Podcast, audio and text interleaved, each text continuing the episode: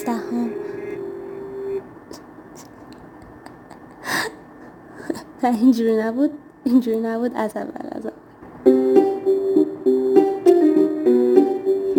خب شروع میکنیم این مایا مایا یعنی فریب و وهم من شبان و صدای فرد رو به زودی میشنوید از یه جای دیگه تو این اپیزود میخوایم از نوشته های گلاب بروتون برای سرویس بهداشتی و غیر بهداشتی و این چیزا حرف بزنیم اصلا چرا گلاب بروتون من فرد هم نمیفهمیدم چیکار میکنیم ولی امیدوارم مخاطبی که نداریم یه معنی چیزی از این خطابرات بکشه بیرون که حداقل ضایع نشیم البته چیزی دریافت نکردن مهم نیست ولی خب گفتم که در جریان باشین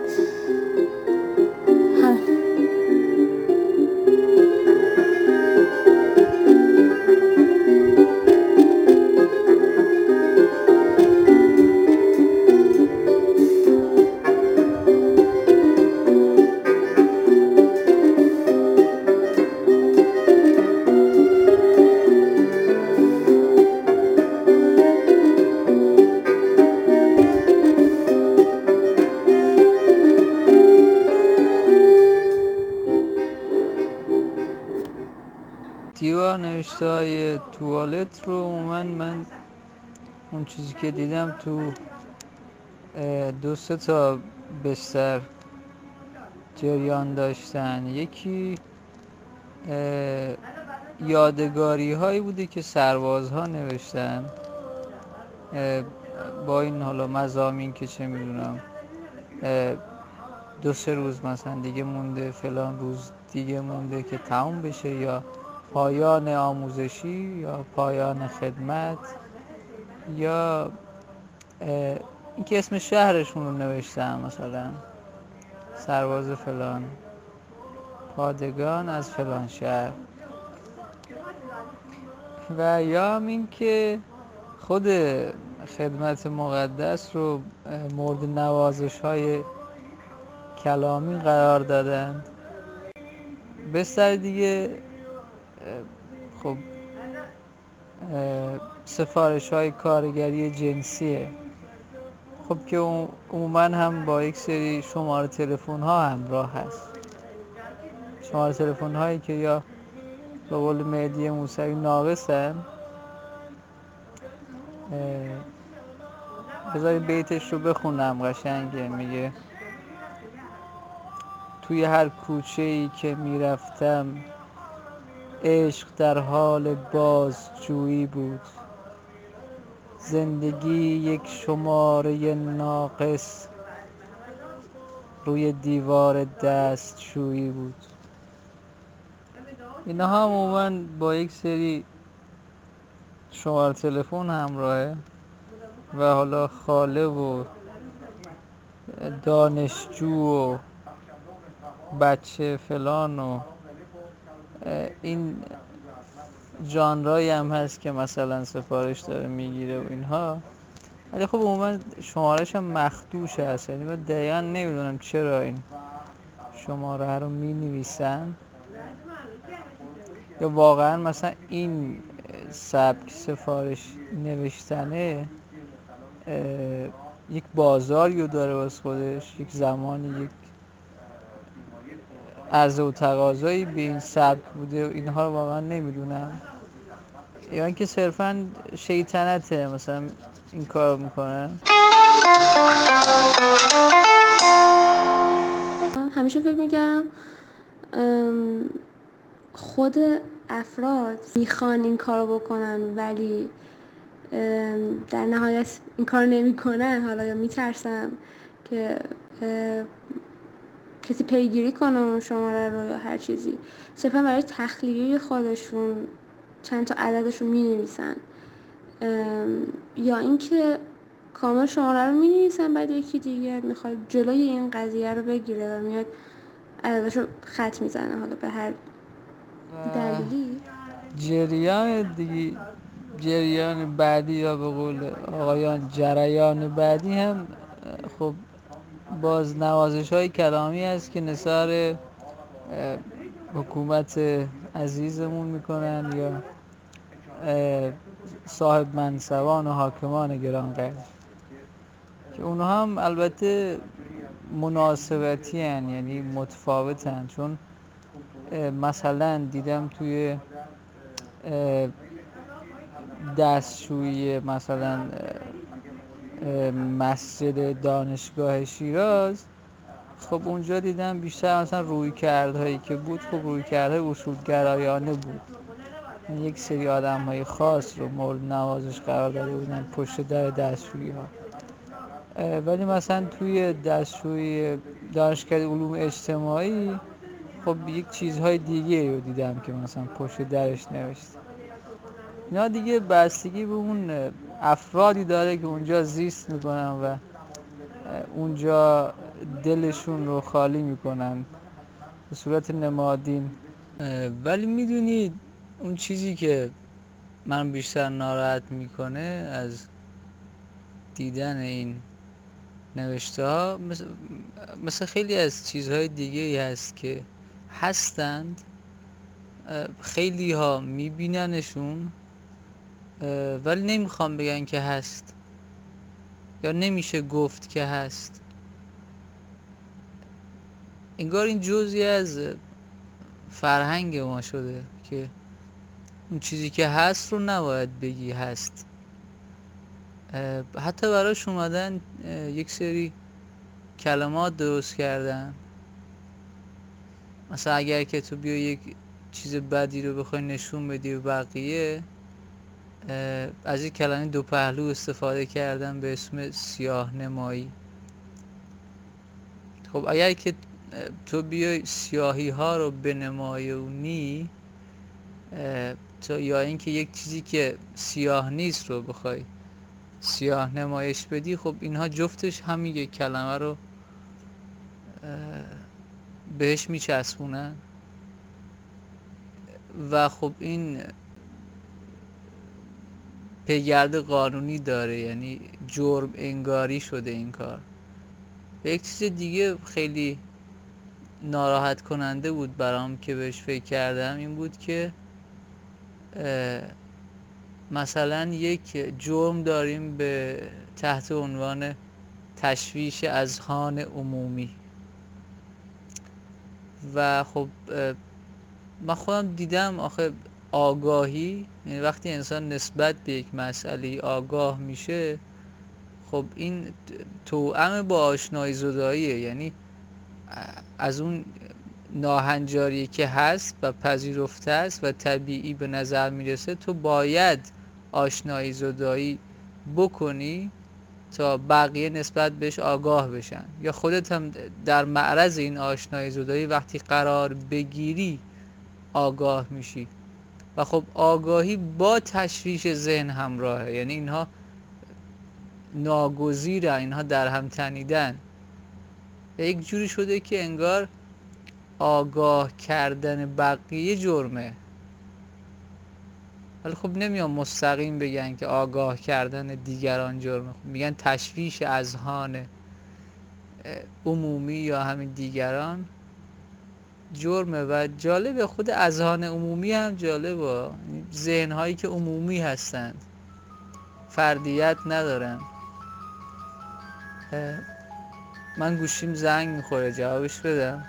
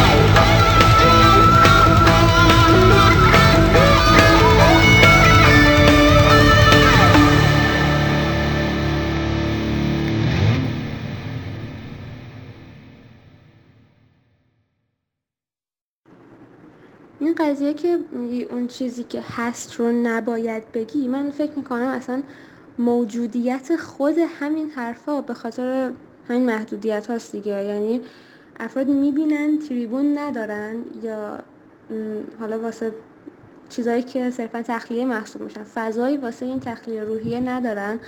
پس چنین پدیده پدیده رو خلق میکنن. از اونجایی که توی ژن بشر کلا وجود داره. اینجور نوشته ها بدون امضا یا هر جا برسی یادگاری از خودت بذاری اون قضایا بدین وسیله احساس میکنم که راحت تر به چنین راه حلی میرسن که توی چنین فضاهای عمومی خب یه چنین نوشته های رو ثبت کنن از اون چون فضا برای اون بیان اون جملات وجود نداشته خب طبیعیه که توجهی هم بهش نشه به هر نوع تخلیهی که حالا هنوز به خشونتی یا به حرکت جمعی منجر نشده. حس میکنم یعنی تا وقتی که موجب چیزی نشده حالا اونایی که خودشون رو مسئول این جلوگیری ازش میدونن. حالا چه از لحاظ نظافت و تمیزی اون اماکن عمومی چه از لحاظ سیاسی و اجتماعی هر چیزی احساس میکنم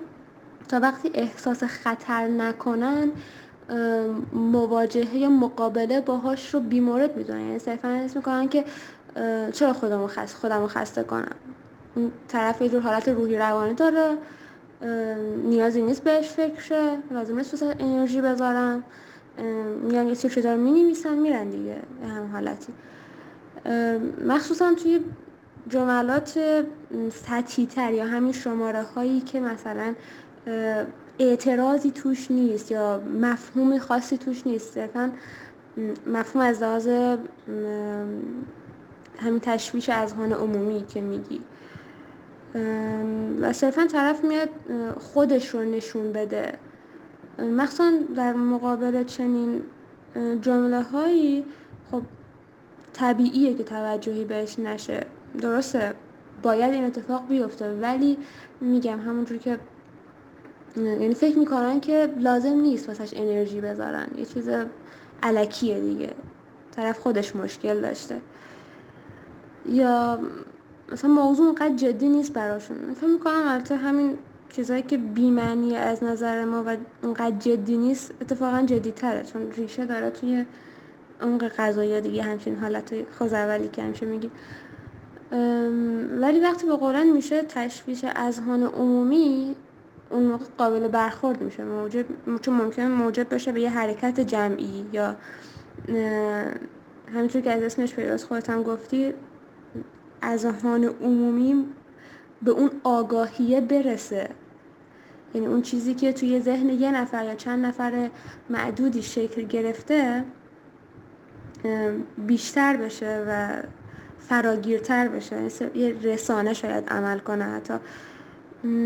یعنی قبلا حالتش اینطوری بود که توی حالت خواب موندگی بود اون جمله و اون واکنش به وضعیت و الان بیدار شده انگار. و تا وقتی این وضعیت بیدار نشه و موجب آگاهی افراد نشه انگار مهم پنداشته نمیشه یه همچین حالتی و خب نیازی هم دیده نمیشه که الان اصلاح کنیم اینو یا باهاش مقابله کنیم یا مطالعهش کنیم که چرا اصلا اینطوریه. فکر میکنم یه همچین حالتی به وجود اومده.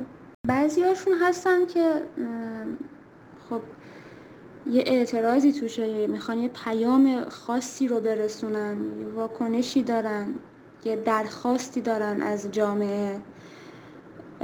مثل پیام های زنده باد و مرگ برها و اینا یا هشتگ هایی که مثلا من به رفراندوم و این چیزا میاریم کلمه هایی که کنار هشتگ قرار میگیره و انگار این هشتگ داره بهش قدرت میده.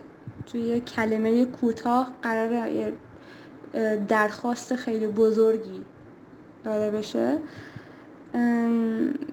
فقط هم اینا حالا روی در و دیوارای اونجاها نیستن همه مکان های عمومیه که درگیر این جمله هاست فکر میکنم و ما حتی میبینیم روی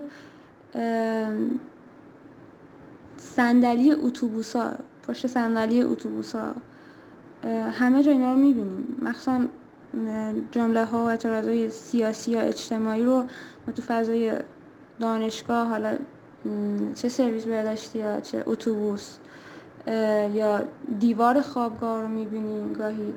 حتی گاهی به صورت رسمی نوشته میشن. یعنی همون نوشته هایی که به عنوان تبلیغ یه ایدئولوژی میاد نوشته میشه یا یه نوع تفکر خاص رو میاد میگه من فکر میکنم اینا هم به همون اندازه تشویش از آن عمومی محسوب میشن حتی. چون بالاخره داره ذهن عموم رو درگیر میکنه. حتی کسی بهش به ظاهر فکر نکنه همون لحظه ای که چشمش به اون جمله برخورد میکنه مغزش ناخداگاه واکنش نشون میده یا موافق اون جمله است مثلا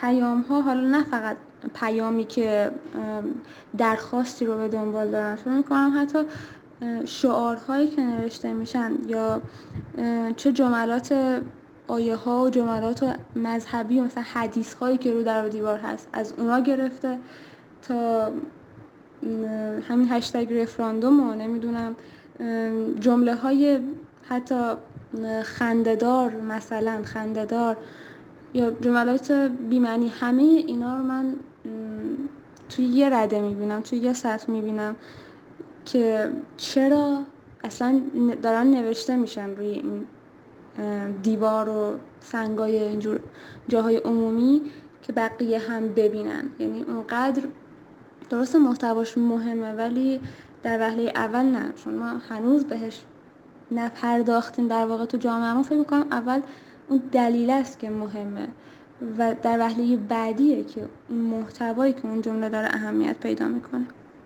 من یه سری سایت ها رو نگاه کردم اون موقعی که موضوع رو انتخاب کردیم جالبه مثلا الان که تو راجع به همین قضیه سربازا و دیوار نوشتهاشون و اینا دیوار نویسیهاشون رو گفتی انگار برام یه بحث جذابی بود اصلا تونستم به چیزای جدیدتری انگار فکر کنم در حالی که قبلش موقعی که موضوع انتخاب کرده بودیم من چند تا سایت نگاه کردم به شکل فان اومده بودن بهش پرداخته بودن یعنی انگار که یه پدیده مسخره است و خب ما یه سری جمله ها رو میبینیم و میخندیم. مثلا حتی جملاتی که مثال زده بود رو میخوندم من خودم خندم میگرفت یا گفتم خب حالا که چی یعنی چی؟ مثلا نوشته بود بی تو هرگز با تو عمرن خب این جمله که هم همه جا اینو دیدیم. یا مخصوصا تو سرویس بهداشتی خواهی نبینی هنرت را نمیدونم فلان و اینا. اینا چیزیه که مفهوم دارن حتی ولی ما به عنوان یه چیز مسخره میبینیمش و حتی توی سایت که به عنوان یه رسانه مطرحه طرف میاد مینویسه تیتر میزنه جمله های مسخره مثلا فلانجا که من دیدم براتون نوشتم این همچین حالتی نمیاد اونو بررسی کنه صرفا چند تا جمله می‌نویسه بعد استیکرهای خنده هم میذاره جلوش و مخاطبی که من باشم هم میره میخونه و خب تو شبکه اجتماعیش هم منتشر میکنه و این چقدر باحال بود این چقدر مسخره علکی بود فلان و اینا یا مثلا یه جمله دیدم شعر در واقع نگاه هم با نگاهت کرد برخورد نگاهت کردم و حالم به هم خورد در واقع اصلا با این اون موقع با این شعر خندم نگرفت درد اون طرفی رو حس کردم که باعث شده حال فرد مقابلش به هم بخوره چه کاری آخه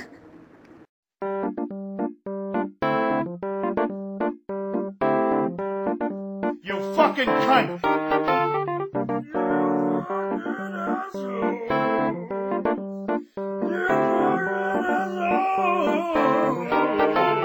fucking cunt, fucking, fucking shit and shit.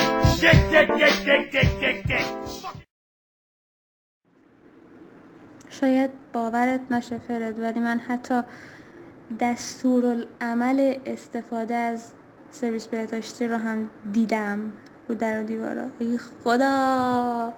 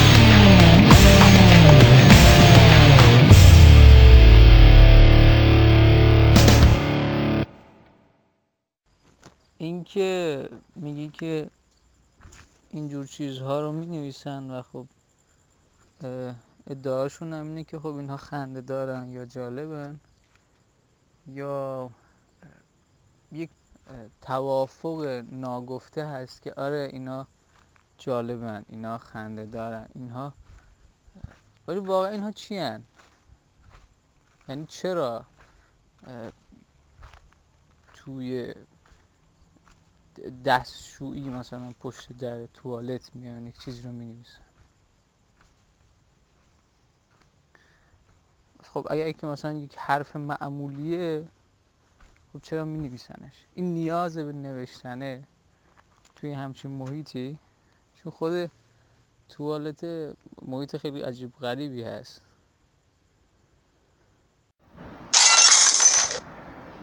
اونایی که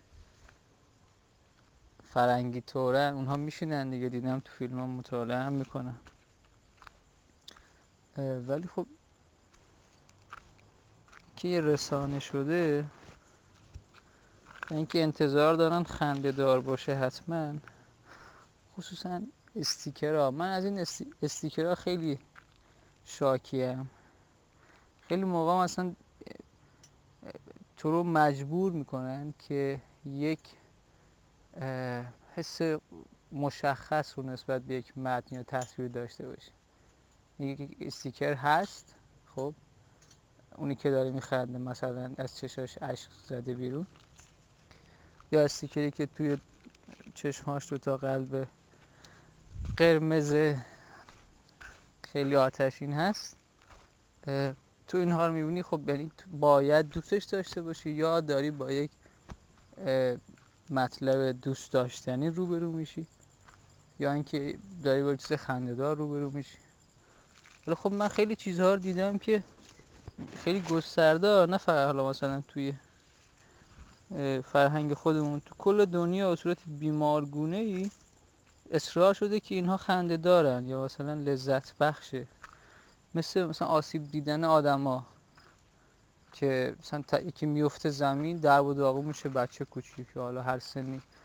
بعد میخندن این صدای خنده هم گذاشتن روش.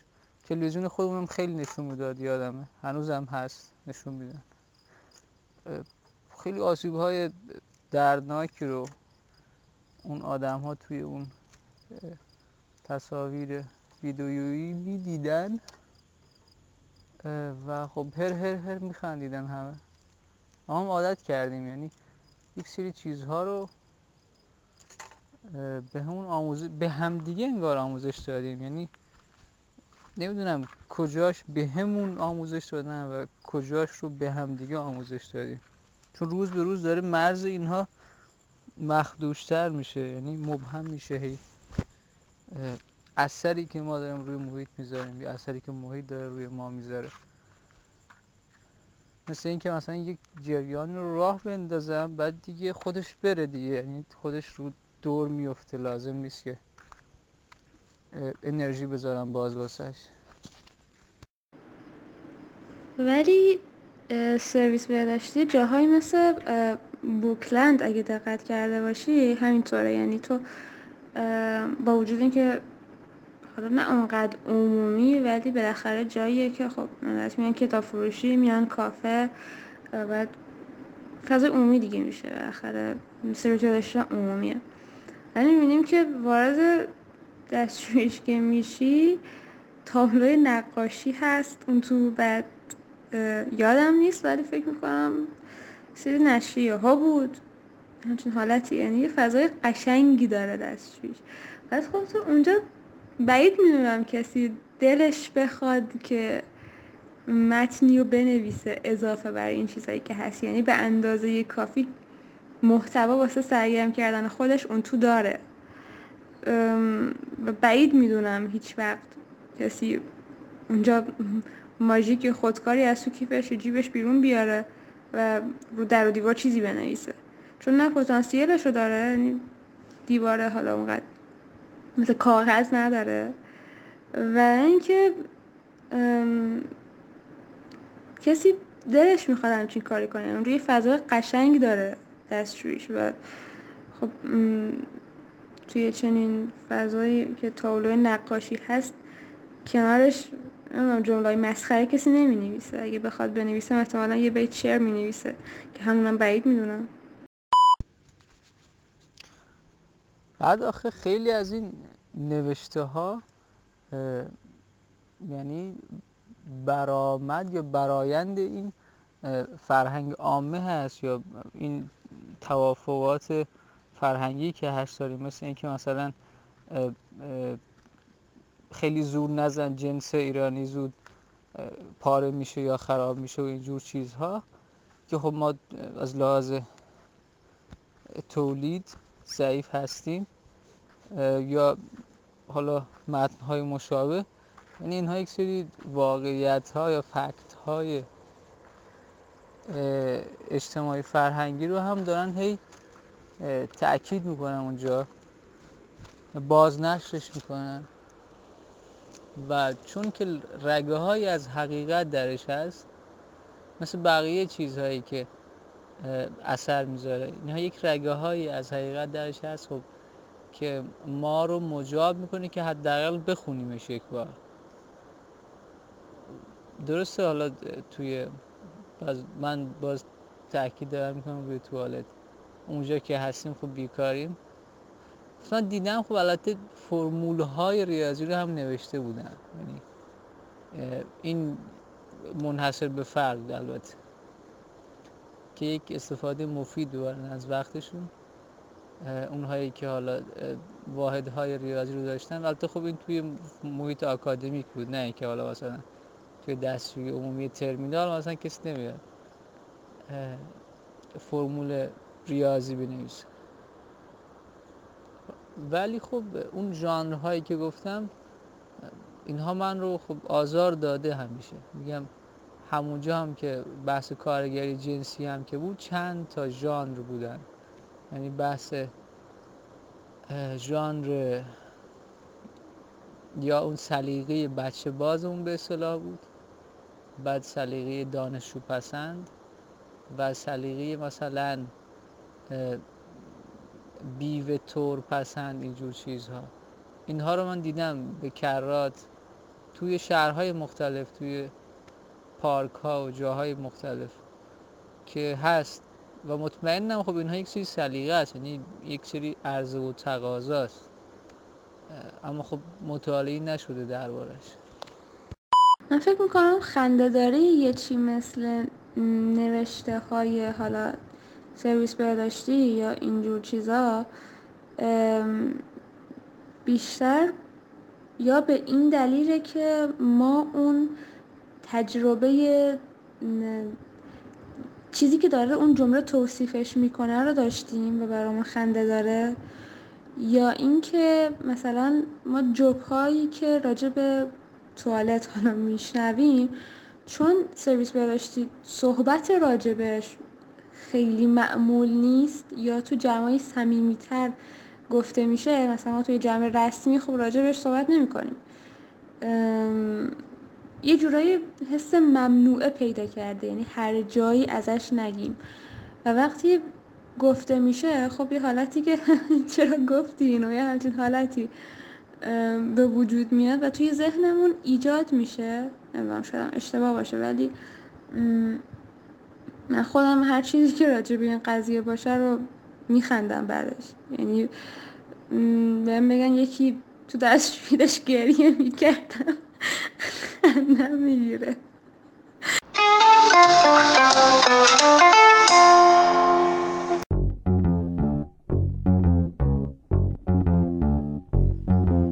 At the bus stop across the street. Money changes hands and a person crouches down on hands and knees to be used as a chair. At the bus stop across the street A necromancer and his acolytes attempt to open a portal to hell At the bus stop across the street